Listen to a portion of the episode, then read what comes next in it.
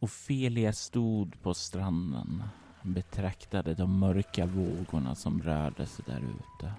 Det var lugnt nu, men hon visste att sjöhäxan rörde sig där ute. Men hon var för svag. För svag för att vara ett hot emot urkrafterna. Så länge hon höll sig nere i havet så skulle inte hon behöva göra någonting och urkrafternas vägnar. Fotsteg kunde höras bakom henne och hon visste vem det var. Är den redo? Den gamla mannen som hon tidigare hade mött ute på kusten klev nu upp till henne. Det är den. Här. Han räckte över en märklig artefakt. En statyett i någon form av sten. En svart sten som nästan verkade suga i sig månskenet och göra omgivningen mörkare. Mannen räckte över statyetten till Ofelia. Ta artefakten till väktaren och ge henne vad hon eftersträvar så kommer hon vaka över den tills tiden är inne. Och om hon vägrar? Märk henne. Det ska bli mitt nöje. Ofelia vände sig om och började röra sig bort ifrån kusten. Men mannen blev kvar. Han kunde inte låta bli att reflektera över tiden som förflutit. Hur han hade förväntat sig något annat då han kom här till trakten. Hur han hade förväntat sig att hjälpa de andra, de blinda barnen som hade varit med honom. Men det var innan han hade sett vad urkrafterna var och det hot som de hade förutsett komma. Patreon-äventyret presenterar Winter Hills volym 1 Urkrafterna.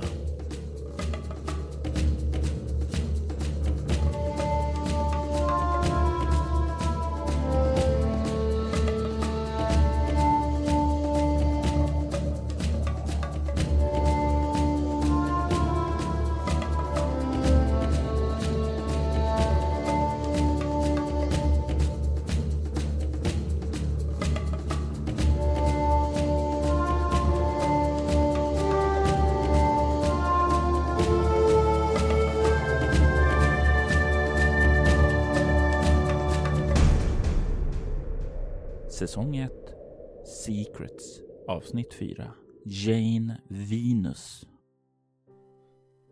Julen är här. Det lyser ifrån eh, de många fönstren som finns här inne i Vinetka. Julstakar och julstjärnor lyser upp på en väldigt, väldigt fin, mysig stämning. Det behövs med tanke på mörkret som omsluter staden Vinetka. De flesta folken har vaknat upp, påbörjat firandet. De flesta har fixat sina klappar, men det finns alltid de som är ute i sista tiden, försöker desperat hämta den där julklappen bara för att dryga ut något litet mer. Det kanske inte är många och egentligen så är det väl inte någon idé att ha många butiker öppna. Men en som har det är Jane Venus på den lilla butiken Venus Antiquities and Oddities. Jane, vem är du? Hur ser du ut? Jag tror att när man sätter den här scenen så ser man först ett par läderhandskar som släcker en engelsk så här klassisk buckilampa med det här gröna hettan och, och guldkromade foten.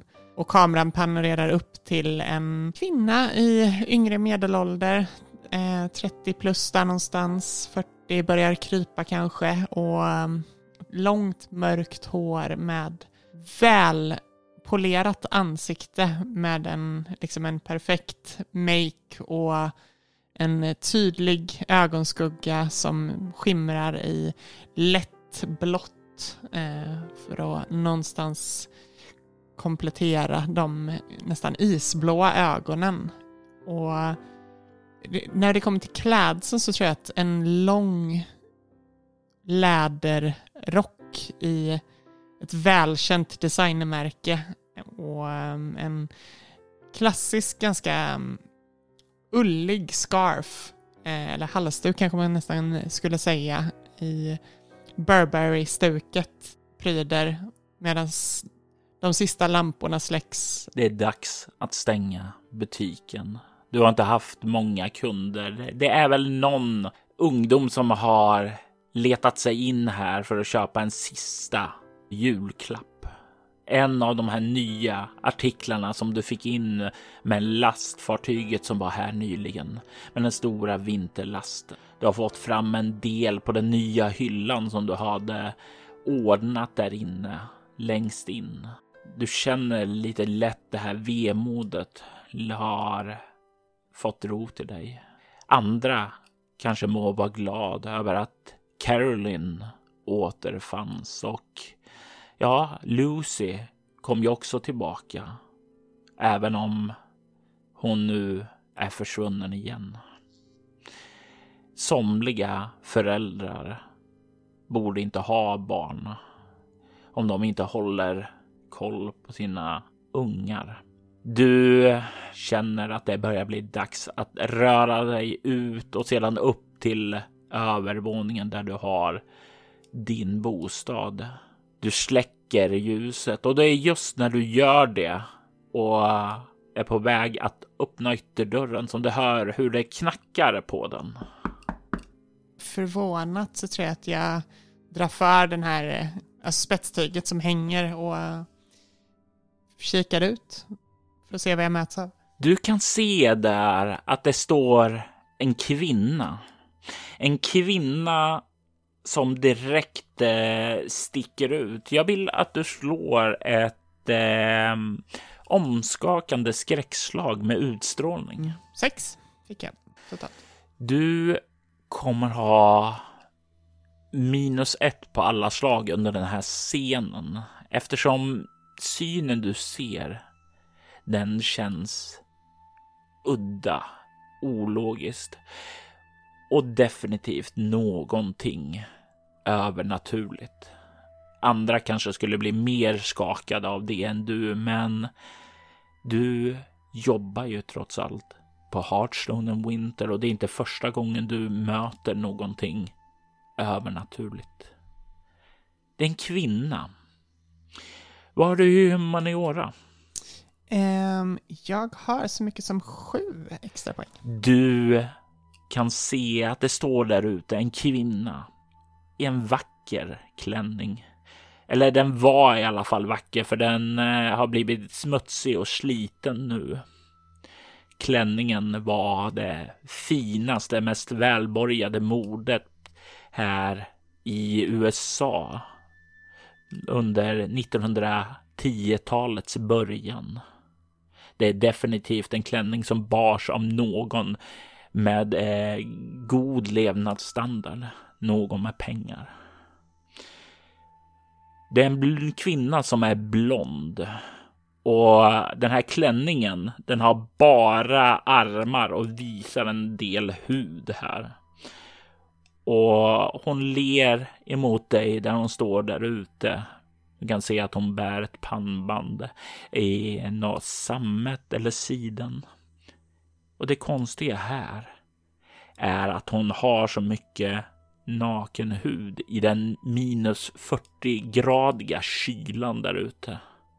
Hon borde frysa ihjäl, men hon verkar inte berörd av kylan.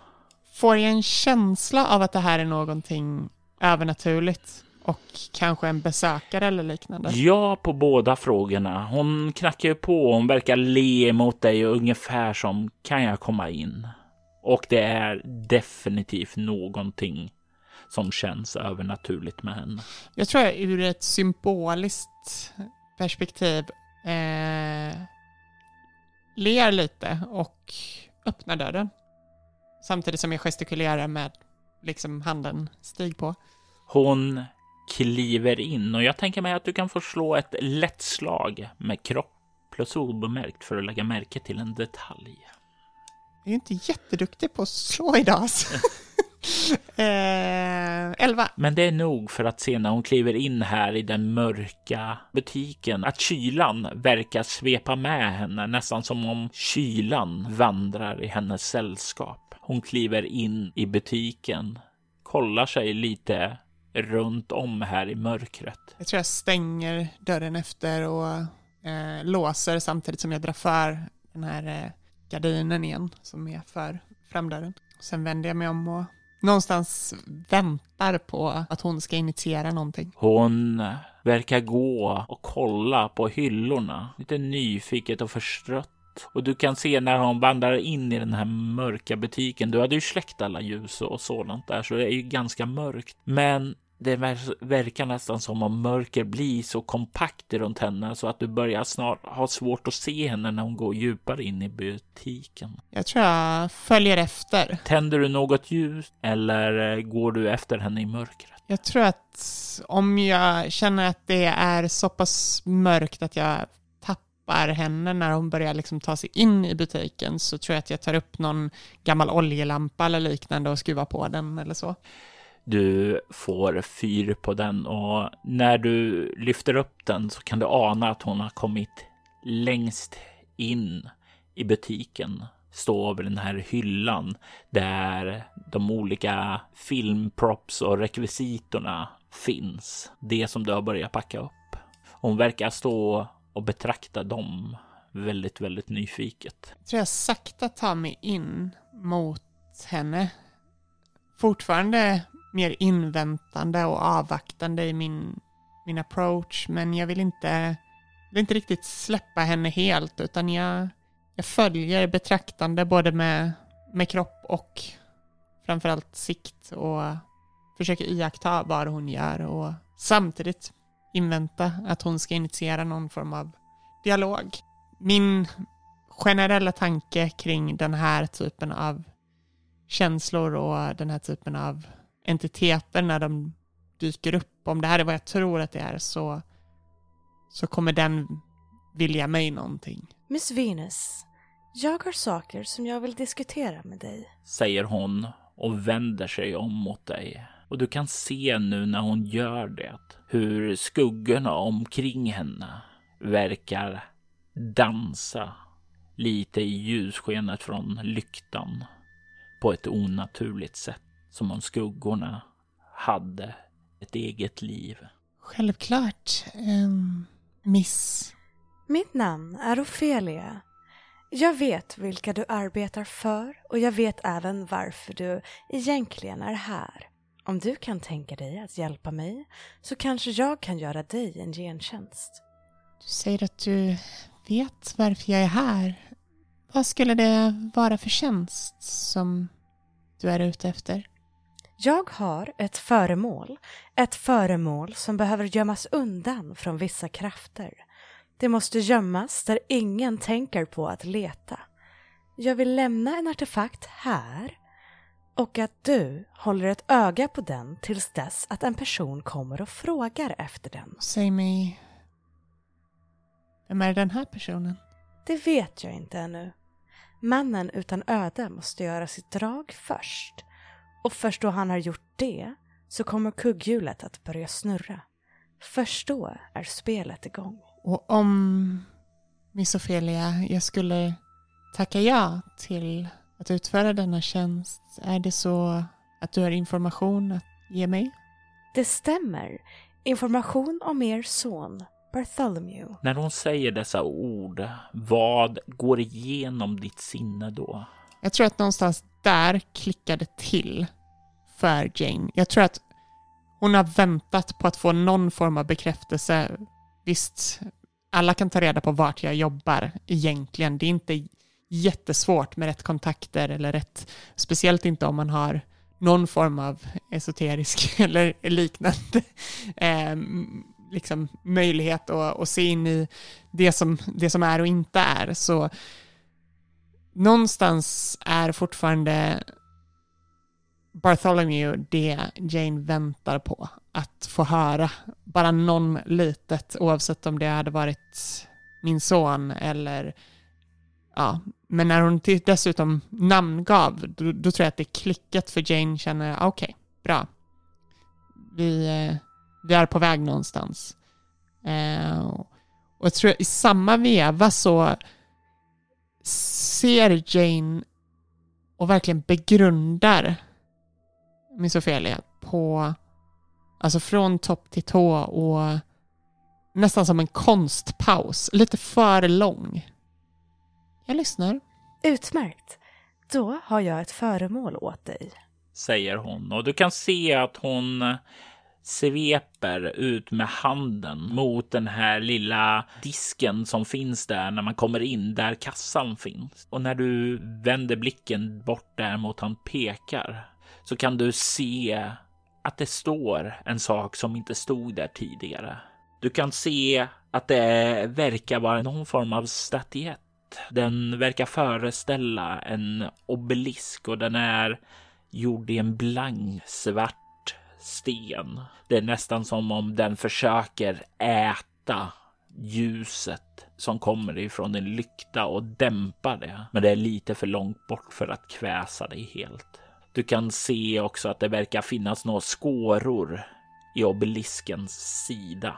Skåror som verkar vara ett avlångt streck uppifrån och ned. Jag tror att vid det här laget, nu får du eh, avgöra lite här, för jag tänker också att innan Jane flyttade upp till Vinetka så, så tänker jag att hon har gjort en hel del research. Mm. Eh, om staden, stadens historia, vad som finns här, också för att kunna hitta en bra decoy och liksom så här, återigen lite anspela på, på hela hennes ja, väldigt så här kalkylerade sätt att vara.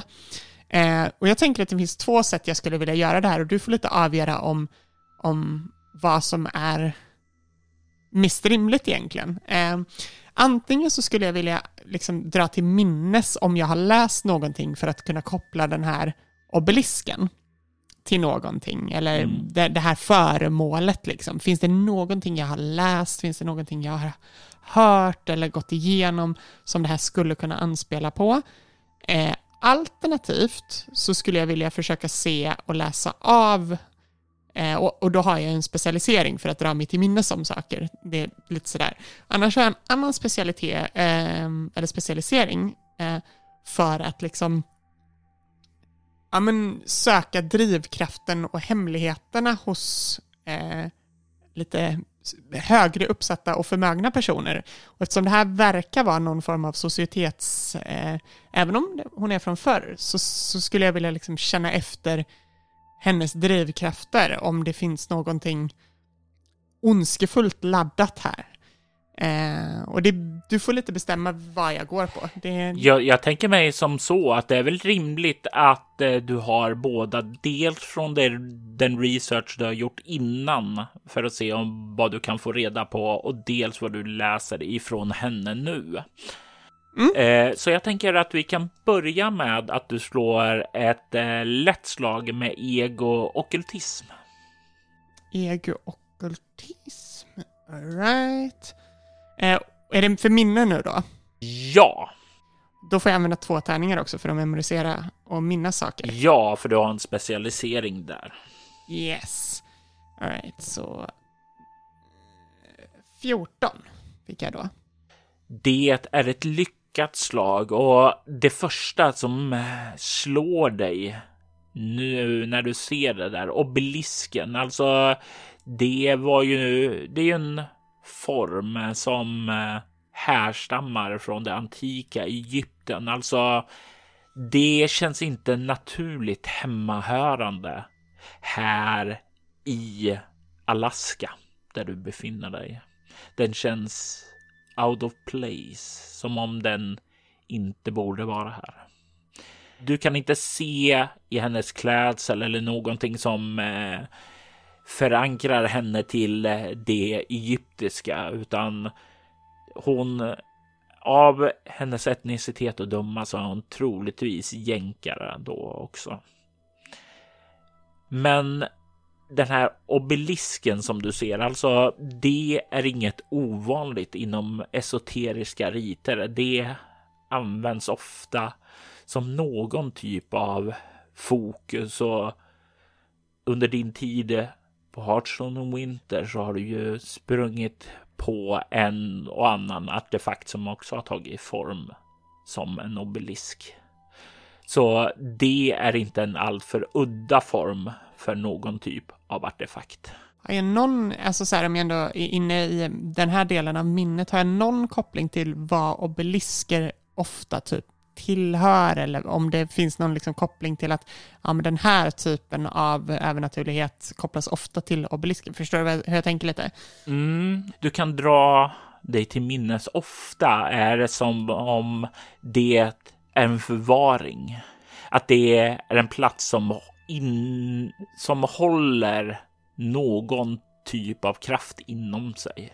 Som om man nästan vill lagra magisk energi till någon annan tillfälle. Eller kanske till och med att det är som en ja, tickande bomb. right. Med det sagt så skulle jag vilja säga lite saker innan jag slår nästa slag. Är det okej? Okay? Det är okej. Okay. Eh, jag tror att titta på, på henne, tittat liksom på den här obelisken och tillbaks på henne. En obelisk, jag förstår. Och du ämnar att lagra den här över tid för någon som du inte riktigt vet om ännu. Vad har du för ändamål? Och vad tänker du att det här ska resultera i? Jag ämnar att invänta pjäsens ankomst för att den ska släppa fri kraften mot vår gemensamma fiende. Så vad du säger är att den här obelisken är ett vapen mot något större? Ja. Nåväl. Med det så skulle jag vilja försöka också dekoda den här entiteten och någonstans bara liksom får jag vibbarna och här om, om jag får också även slå för det, eh, vibbarna av att hon är liksom har ont eller gott uppsåt. Då skulle jag säga som så att det är ett motståndsslag. Eh, ja. Du slår ett utstrålning kameleont mot hennes. Och du ska komma upp i och hon slår piss. Så du ska komma upp i 16. Okej. Okay. Och eftersom jag är societetsvan som specialisering, får jag använda två tärningar? Det skulle jag låta dig göra. Toppen. Eh, 21. Det var en sexa och en femma på tärningarna. hon fick en etta och en två. Inte riktigt lika lyckobringande som dig. Du håller ett litet öga på henne. Och det är flera saker som känns off här i hennes agerande, hur sättet hon talar, hennes kroppsspråk. Alltså, du får en känsla av att det, jo, hon har absolut de här indikatorerna på att hon har varit på 1910-talet och rört sig där. Men samtidigt så är det sättet hon talar, agerar, känns mer modernt. Och det är någon form av clash där som du inte riktigt kan sätta fingret på helt. Och det gör att hon blir lite svårare att läsa. Just nu så är det svårt att säga om hon har ont eller gott uppsåt. Du vet för lite om henne och hennes agenda. Du skulle behöva ta reda på lite mer om det innan du kan bestämma dig för vad. Och jag tänker som så att under diskussionen som förflyter här, ju mer du plockar fram ur henne, desto mer kommer du att bli säker. Och jag kommer säga när du har låst in på din instinkt om henne. Säg mig, Miss Ophelia, kan du berätta lite om din tid här i Venetka?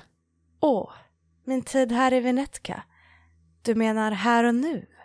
Jag kom nyss och jag har inte spenderat så lång tid här. Och vart befann du dig innan? Ja, vart befann jag mig innan? Jag befann mig i en övergiven stad, ensam tills jag blev räddad av en man som förde mig hit. Och säg mig, den här mannen, vart håller han hus nu? Åh, Mr Wright bor hos änkan Holtz. Jag förstår. Och du känner ju igen vem Mr Wright är. Det är ju en eh, författare som kom med förra båten. En författare som drabbades av skrivkramp och kom hit för att bryta den.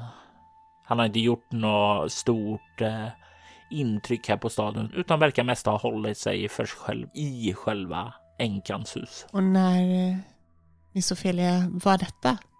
Det var för några dagar sedan. Och under din tid här i Vinetka har du spenderat hos Mr Wright? Nej, jag tror inte Mr Wright minns mig. Han är lite vilsen. Han förstår inte världen på samma sätt som du. Jag har istället spenderat tiden med att finna mina vänner, mina kollegor. Vilka är dina vänner? Det... Det vill jag inte berätta just nu. Inte förrän vi har en överenskommelse. Låt oss säga att mina vänner, mina kollegor, de som har samma agenda som mig, att skydda denna trakt mot vår gemensamma fiende. Om du inte på något sätt tar illa mod, vem är denna fiende? Jag kan berätta mer om denne, men jag vill inte göra det förrän vi har en pakt. För när jag berättar om denna fiende så kommer den att få ett starkare fäste här i trakten, här i världen. Ju mer jag berättar om vår fiende, desto starkare blir dess makt. Jag förstår. Och bara för att ta det säkra före det osäkra, jag hoppas du förstår att innan jag sluter en sådan pakt så, så måste jag också veta vad jag får i utbyte. Du nämnde min son. Ja, jag känner till Bartholomew.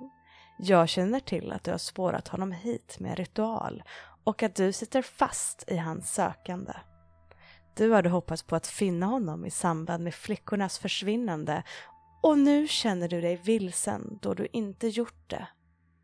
Dina instinkter att söka här är rätt, men metoden är fel. Jag kan berätta när din son kommer hit. Så du säger att han inte har kommit hit ännu? Ja, det stämmer. Med den här liksom, dialogen som har varit över tid, eh, har jag fått någon indikation i sättet hon rör sig eller hur hon liksom för sig över, så, alltså som ger mig en bättre magkänsla att gå på? Du kan fortfarande inte säga om hon är god eller ond, men hon verkar genuint övertygad om att du och hon har en gemensam fiende. Hon verkar väldigt säker på att eh, ni står på samma sida. Och jag känner mig ändå övertygad om att hon står på min sida i form av att hon, alltså i hennes upplevelse så står hon på min sida. Det är någonting med din son.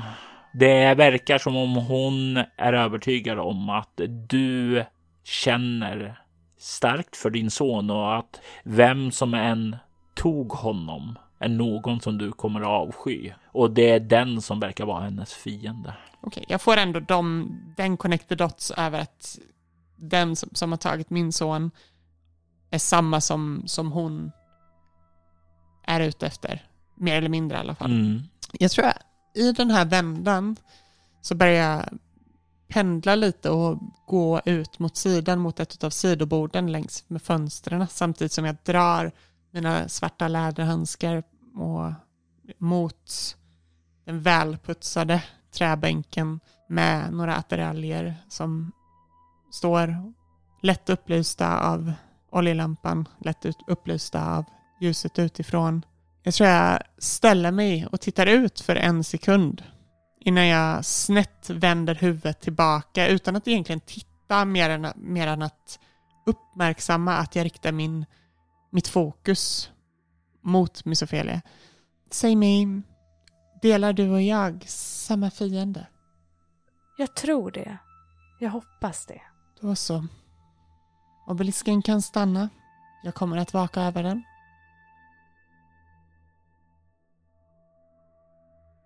Hon kliver sakta fram emot dig.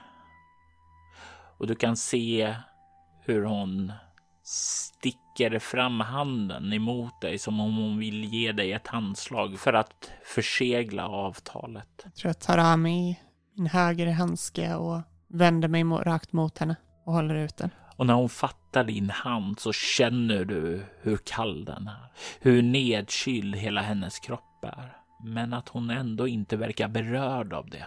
Hon ler och släpper din hand. Utmärkt. Då kan jag hjälpa dig med det du önskar. Vart vill du att jag börjar? Den som tog Bartholomew och är vår gemensamma fiende, eller när han kommer hit? Börja om denna fiende du pratar om. Jag kommer att säga vår fiendes namn, men jag måste be dig att inte yppa det igen, för när du gör det så växer denne starkare. Enda skälet att jag säger det till dig är så att du ska kunna hålla ögon och öron öppna efter den. Förstår du vad jag säger? Självfallet. Vår fiende är det röda paradiset. Och i samma ögonblick som hon säger det så känner du en kall kår liksom ila upp längs ryggraden. Och du känner gåshuden komma upp på din kropp. Det är någonting där som får dig att rysa till. Det är en annan värld. En värld som vill ta över denna. Utplåna allt som finns här och ersätta det med en ny existens där vi människor inte finns. Varför Bartholomew? Det har ett syfte med honom. Det vill använda honom för någonting. Jag vet inte vad, för vår fiende är inte här ännu. Den är för långt bort för att skåda det. Den finns utanför våra domäner. Men tro mig, det är en fiende som närmar sig. Och denna fiende, vars namn inte får nämnas. Säg mig, hur länge har den här fienden funnits? Ska jag vara ärlig så vet jag inte det. Den kommer från en annan värld jag vet inte hur länge den världen har existerat. Kanske bara ett ögonblick, kanske ett millennium, kanske en evighet. Kanske kommer den från en plats där tid inte har någon mening. Jag vet inte. Jag vet bara att vi börjat höra ekon av det sedan 90-talet. Det var då som vi hörde de första ekorna av en undergång som närmade sig. Och nu är den på väg och ni vill stoppa den? Ja, vi vill etablera oss här. Bygga ett fäste för att försvara den här trakten, för att skydda den från den kommande fienden. Vi vill göra oss redo för kampen mot den. Berätta för mig, du säger ni. Jag antar att det är du och dina vänner och kollegor? Ja. Vilka är de? Vi arbetar för urkrafterna, de krafter som fanns här från början. Från en tid då denna värld var ny, fortfarande ung. Vi har varit här från början. Vi var här långt innan människan kom till trakten. Långt innan inuiterna kom hit. Långt innan de fängslade oss här. Miss Ophelia, förseglade de undan er? Ja, de fängslade oss här. Här? I Venetka? I Winter Hills. Jag förstår. Det är dock någonting som säger att du har varit med ett tag. Dina kläder och den du porträtterar att vara ger mig en blick men samtidigt kan jag inte hjälpa att känna att du har erfarenhet och en stark koppling till en mer nutida tid. Stämmer detta? Ja, det stämmer. Jag kom hit till trakten 1912 med ett uppdrag att utföra. Ett uppdrag som känns så trivialt nu i efterhand. Det var då jag kom i kontakt med urkrafterna för första gången och det öppnade mina ögon för allt det som var här. En trakt som måste skyddas. Sedan när jag kom tillbaka hit så kände jag mina vänner, mina kollegor och de berättade om hotet och sa vad vi måste göra för att skydda den här trakten. Sedan jag kom tillbaka hit har mitt liv ett syfte och det är att rädda vår värld från undergång. Nåväl, Du pratade om en individ Mhm. som inte riktigt har funnit sin tid ännu. En som fortfarande väntar på att kugghjulen ska ställas till rätta. Vet du vem denna individ är? Nej, jag har ingen aning. Det är ett kosmiskt spelbräde. Vi är inte de enda som kämpar om denna trakt. Det finns andra, alla med sina egna motiv och agendor. Vi har varit i kontakt med några av dem och varnat dem för att lägga sig i och se till att de inte blir en av vår fiendes ovetande lakejer. Och säg mig, bara så att jag förstår det rätt. För att min son ska komma tillbaks till platsen och jag ska kunna få tillbaka honom så krävs det fortfarande att den här personen som vi väntar på hittar sin väg hit. Stämmer det? Ja. Det som jag vet om er son är att jag fann bevis som indikerade då er son kom hit till Venetka. Dagen då han anlände. Jag vet inte vad som ledde upp till det, men hans ankomstdatum tror jag är en fast punkt i tiden. Något som inte går att rubba. Och denna fasta tidpunkt, bara för att klargöra, när är detta? Den 6 juni 2012. Så om elva år. Ja. Hon kollar på dig lite lätt med krökt huvud, liksom för att studera dig. Vad går igenom dina tankar när du hör det här? När du inser att ja, din son ska komma hit om 11 år. Då skulle han vara 28? Eller? Nej, äldre än så till och med. Ja, definitivt över 30. Just nu är det sociala spelet Janes första fokus. Att samla varje pusselbit bit för bit och sedan kunna lägga det stora pusslet.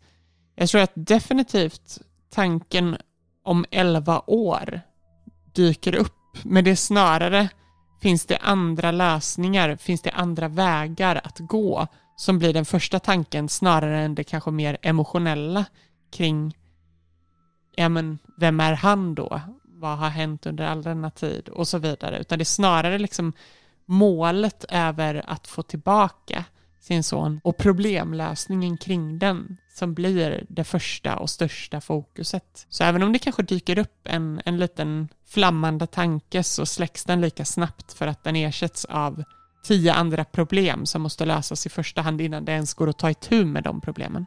Du kan se att hon står där avvaktande och väntar på att du ska reagera på vad hon har nyss sagt. Jag tror att den här kalkylen går så pass mycket fortare än vad den gjorde för oss. Så att eh, en sekund eller två går eh, medan hon viker av blicken för att tänka lite snabbt och lika snabbt igen fokusera tillbaks på Miss Ofelia och säger Ofelia, bara så att jag förstår det rätt. Den här tidpunkten i juni 2012. Du säger att den är orubbar och att det är en fast bestämd punkt som inte kommer ändras. Vart har du fått den informationen ifrån? Att den inte är förändlig eller att din son kommer dyka upp där. Varför inte båda? Att din son kommer dyka upp där fick jag från 2019 då jag besökte de öde gatorna där. Angående det andra så låt oss säga att det kommer ifrån min uppfostran. Att den har gett mig kunskap om hur tid och öde formas. Och utifrån den uppväxten så är jag benägen att tro att den är fixerad. Men för all del, jag säger inte att jag har en komplett förståelse, utan det är mycket möjligt att det kan ändras. Det är dock inte vad jag har blivit lärd. Nåväl, jag hör dig. Vi har ett avtal. Utmärkt. Då lämnar jag obelisken i din ägo. Sälj den inte, men för den som specifikt frågar efter den här, så ge den personen obelisken. Du kommer att känna då rätt person ber om den. Väl. Och en sista sak gällande ankomsten om elva år. Den är här i stan antar jag? Ja, i hamnen. Då så, Miss Ophelia. Jag eh, tackar dig godnatt. Det är dags för mig att stänga butiken. Jag förstår. God jul, Miss Venus. Hon börjar kliva bort emot dörren, öppnar den och kliver sedan barfota ut på på Vinetkas gator efter att ha stängt dörren efter sig och lämnat dig kvar här inne med obelisken stående på det här bänken. Vad går igenom dina tankar nu när du är ensam? När det, själva situationen börjar sjunka in i dig? När du inte har det här sociala spelet kvar att fokusera på? Jag tror att det första är återigen en sån här klassisk alltså, form av pussellösning. Att det är liksom dags att gå hem, börja sätta upp en plan, börja liksom studera, börja läsa i arkiv, börja gå igenom både tid och rum, framåt, bakåt. Finns det några, någonting som kopplar ihop den här platsen med vad som har sagts både bakåt i tiden, framåt i tiden, sidan i tiden? Alltså, jag tänker mig nästan utifrån en halvmaniskt sätt att lösa problem, gå hem och förstå mig rätt nu med nål och röd tråd. eh, sätta upp liksom en galen mindmap över, över det jag vet. Och jag tänker nästan att det kanske inte heller är så att jag börjar på den, utan att den faktiskt har varit här under tiden jag kom till Venetka. Den har varit med under hela vägen jakten på, på min son har varit största och enda egentligen anledningen till att jag tog mig hit i första hand. Så oavsett vad mitt officiella uppdrag är eller min täckmantel är så är det fortfarande det viktigaste uppdraget jag har i, i min egen kammare. Mentalt så spinner ju hjulen nu och du kliver utåt och du stannar till vid bänken där och inser att den här obelisken står där. Den är slät och den glimrar till där ljusskenet. Faktum är nästan att det, det fladdrar till lite i lyktan, ungefär som nästan den här obelisken försöker kväsa den levande lågan. Vad har du i konstnärlighet? Tre. När du kollar på skåran här, det ser nog väldigt märkligt ut. Det verkar finnas skåror på vardera av de fyra sidorna. Och de här skårorna, de ser ut att vara formade som om man skulle kunna stoppa in ett gammal form av kassettband i den, vilket sticker ut väldigt mot de andra typer av obelisker de, du ser. De har ju ofta varit beprydda av massa runor eller inskriptioner eller mönster. Vad får det dig att tänka? Jag tror att första instinktiva tanken är ju självklart vad är detta för pusselbit? Samtidigt ekar det ekar någonstans i bakhuvudet om att jag är också en del av det stora brädet.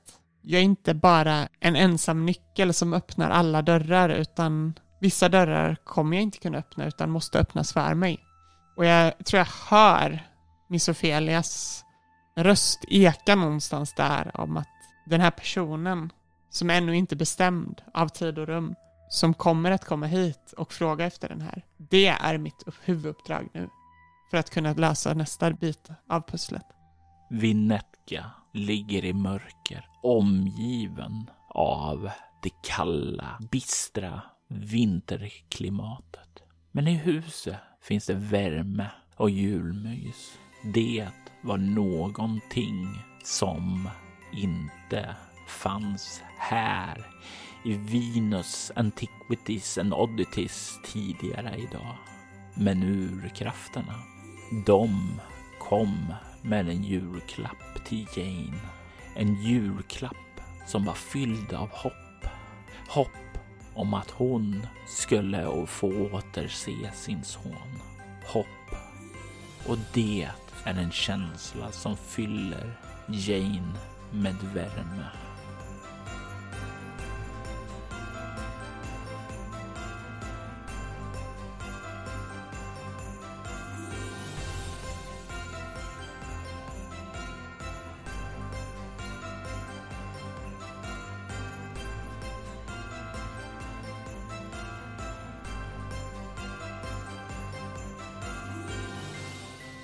I detta avsnitt hörde du Agnes Rudbo som Jane Venus och Emily Drotz som Ophelia Black. Avsnittet klipptes och ljudlades av Robert Jonsson. Winterhills temamusik skapades av Andreas Lundström från Sweden Rolls och Riddles in the Dark. Ni hittar hans musik på Spotify och Soundcloud. Övrig musik var copyright-free sådan från Vlog Songs.